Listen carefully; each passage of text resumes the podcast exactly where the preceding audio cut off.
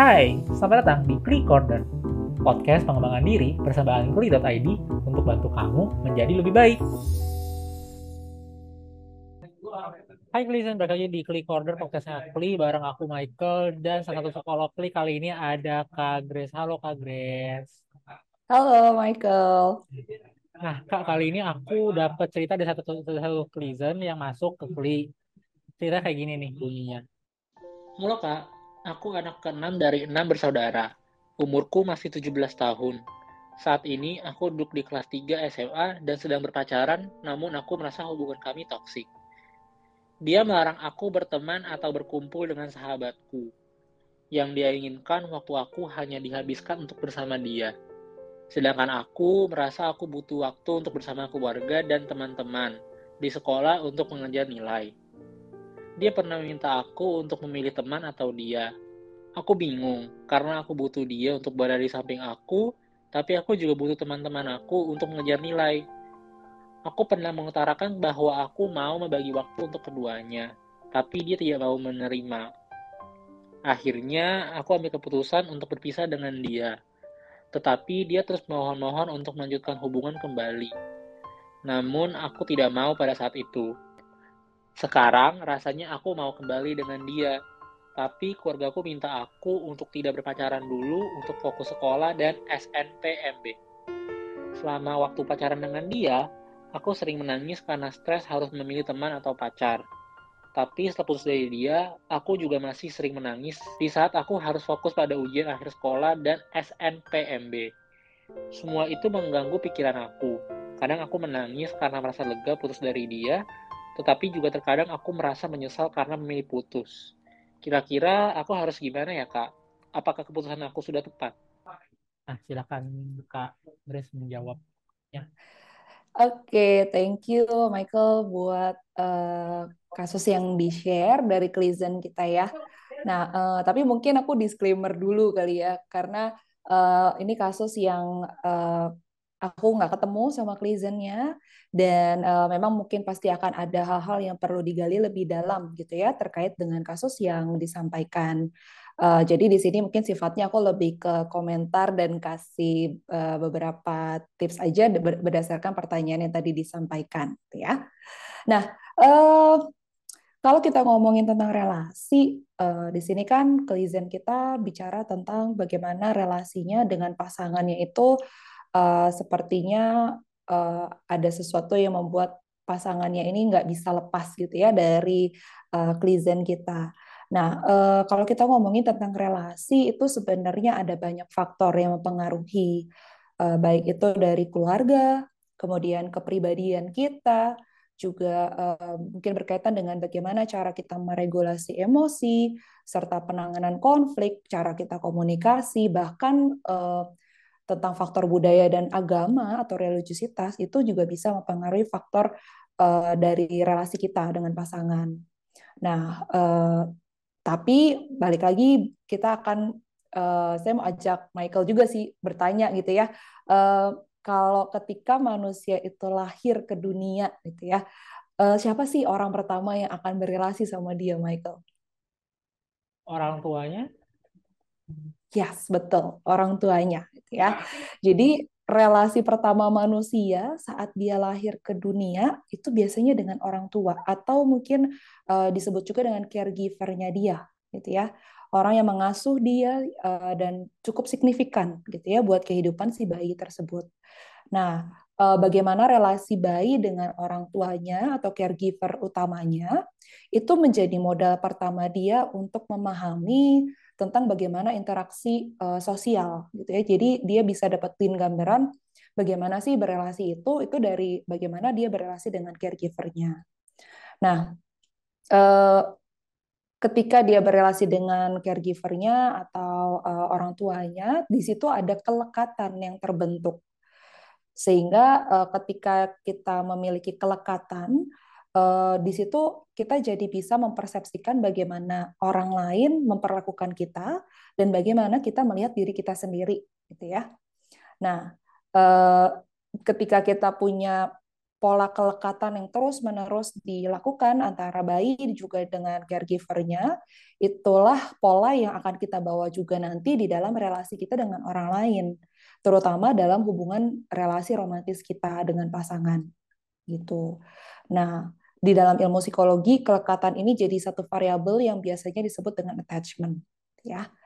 Nah, ini balik ke kasus tadi, ke Klizen yang tadi sudah uh, menyampaikan kasusnya uh, di sini justru yang menarik buat saya adalah pasangannya gitu ya karena kalau di sini uh, dari cerita yang Klizen tadi sebutkan bahwa pasangannya itu melarang dia berteman atau bahkan kumpul sama teman atau sahabatnya lalu uh, waktunya itu hanya dihabiskan buat dia aja gitu ya dan uh, bahkan ketika Klizen kita ini mau punya waktu buat keluarganya temennya atau bahkan buat belajar aja tuh rasanya kayaknya susah banget dan pasangannya ini nggak bisa terima gitu. Uh, bahkan ketika dia mau putus pun pasangan ini mohon-mohon supaya balik lagi gitu ya.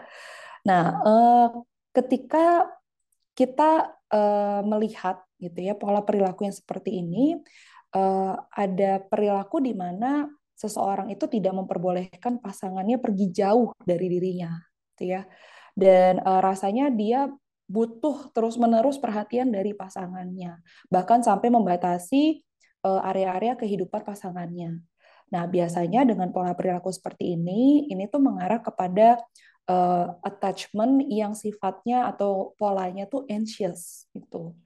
Nah, dalam hubungan romantis, kalau individu itu punya pola attachment yang anxious, biasanya memang ditandai dengan adanya ketakutan, uh, di mana dia takut ditinggal sama pasangannya dan dia sangat butuh rasa aman gitu. Dan uh, sehingga ketika dia takut pasangannya pergi dia pun juga akan punya pola perilaku di mana mudah curiga ataupun mudah cemburu sama pasangannya. Dan biasanya orang yang punya uh, arah pola attachmentnya itu anxious mereka itu akan minta berkali-kali diyakinkan bahwa dia adalah orang yang layak untuk dicintai jadi sering kali individu dengan attachment yang seperti ini dia merasa insecure dengan dirinya, juga kadang uh, mempertanyakan dirinya apakah dirinya cukup layak untuk dicintai. Sehingga ketika pasangan menolak dia atau dalam kasusnya Klizen ini uh, Klizen kita lebih memilih untuk uh, aku butuh waktu untuk keluarga dan teman-temanku. Nah, itu tuh dianggap sebagai penolakan dan sangat menyakitkan buat pasangannya gitu. Nah, uh, kalau menjawab pertanyaan Klizen kita tadi tentang aku harus gimana ya, dan apakah keputusanku uh, untuk putus sama pasanganku ini adalah keputusan tepat atau enggak? Uh, mungkin untuk saat ini gitu ya, ketika kan memang posisinya uh, saat ini sudah putus gitu ya, Klizen kita dengan pasangannya, dan uh, jadinya ada rasa sakit, uh, juga kadang rasa menyesal, kenapa ya harus putus seperti itu. Nah, um, itu adalah emosi yang wajar sebenarnya. Karena ketika kita mengakhiri suatu hubungan, uh, pasti tetap ada momen-momen indah, kenangan-kenangan indah yang uh, ada di dalam hubungan itu. Dan biasanya uh, kita akan teringat kembali dan jadi merasa menyayangkan gitu ya kenapa hubungan ini harus berakhir. Nah, sehingga ya rasa sedih itu pasti wajar gitu ya. Nah, di saat-saat seperti ini uh, selain menerima bahwa memang ini adalah emosi yang harus dirasakan, rasa sakitnya. Nah, justru di saat-saat ini juga klizen kita ini butuh yang namanya dukungan sosial. Nah, dukungan sosial dari teman-teman, dari keluarga, uh, itu butuh uh, sekali untuk didapatkan oleh klizen kita. Uh, karena seperti yang tadi dikeluhkan juga sebenarnya oleh klizen kita bahwa bahkan dia nggak dibolehin sebenarnya sama pasangannya untuk punya waktu dengan keluarga ataupun teman-teman atau bahkan untuk belajar gitu. Nah, so this is your time untuk bikin memori yang baru, kenangan yang baru dengan teman-teman, dengan keluarga, dan uh, take your time untuk bisa menjalin relasi dengan keluarga dan teman-temanmu gitu. Dan uh, ya saya tahu bahwa melupakan kenangan bersama dengan pasangan itu tidak mudah gitu ya. tapi kita bisa membuat memori-memori yang baru, kenangan-kenangan indah yang baru bersama dengan orang-orang yang juga menyayangi kita, gitu, yaitu teman-teman dan keluarga kita. Nah, terus juga pertanyaan tadi tentang apakah ini keputusan tepat atau enggak.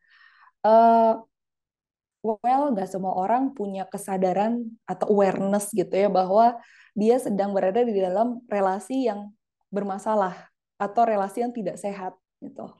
Uh, dan sebenarnya selain kita punya kebutuhan untuk berelasi sebagai manusia, kita sebenarnya juga punya kebutuhan untuk uh, mandiri, gitu ya, autonomi, dan juga kita perlu punya boundaries-boundaries yang sehat di dalam kehidupan kita.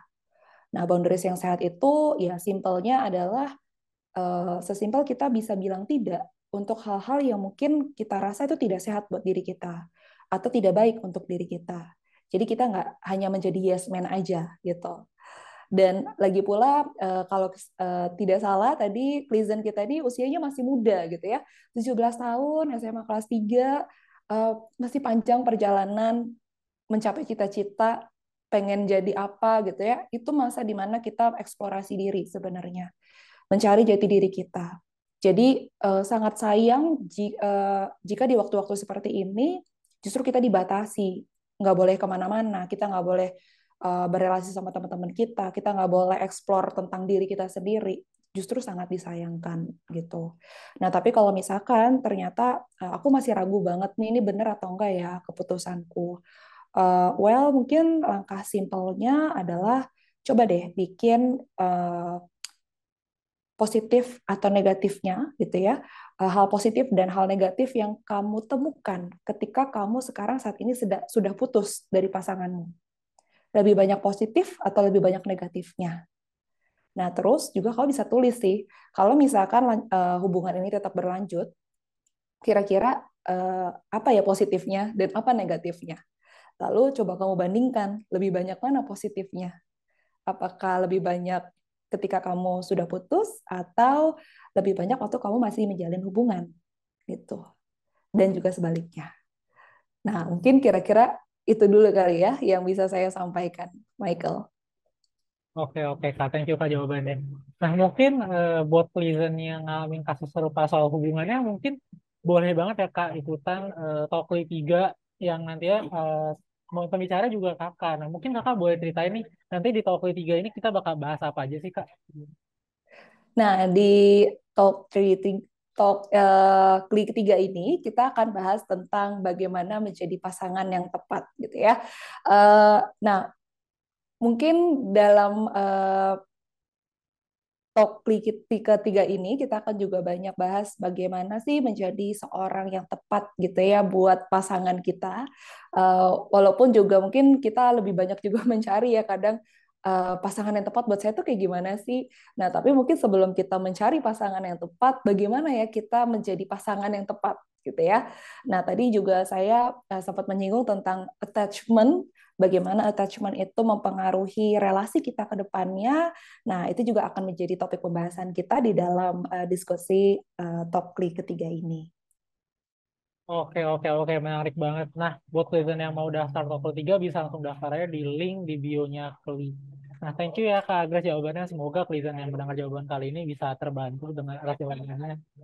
Dan ada yang bisa diambil lah buat mereka. Nah, buat kalian yang dengerin, kalau misalnya merasa ini bermanfaat, boleh banget langsung di-share ke teman-temannya, biar teman-teman yang lain denger juga. Jangan lupa juga follow Instagramnya Klik di klik.id. Dan uh, buat kalian yang merasa butuh counseling dan pengen counseling bareng Kagres, bisa langsung counseling ke link yang ada di bio-nya Klik juga. Thank you Kagres jawabannya. Semoga bantu ya Pleasant. Thank you Kak. Ya, sama-sama. Thank you juga.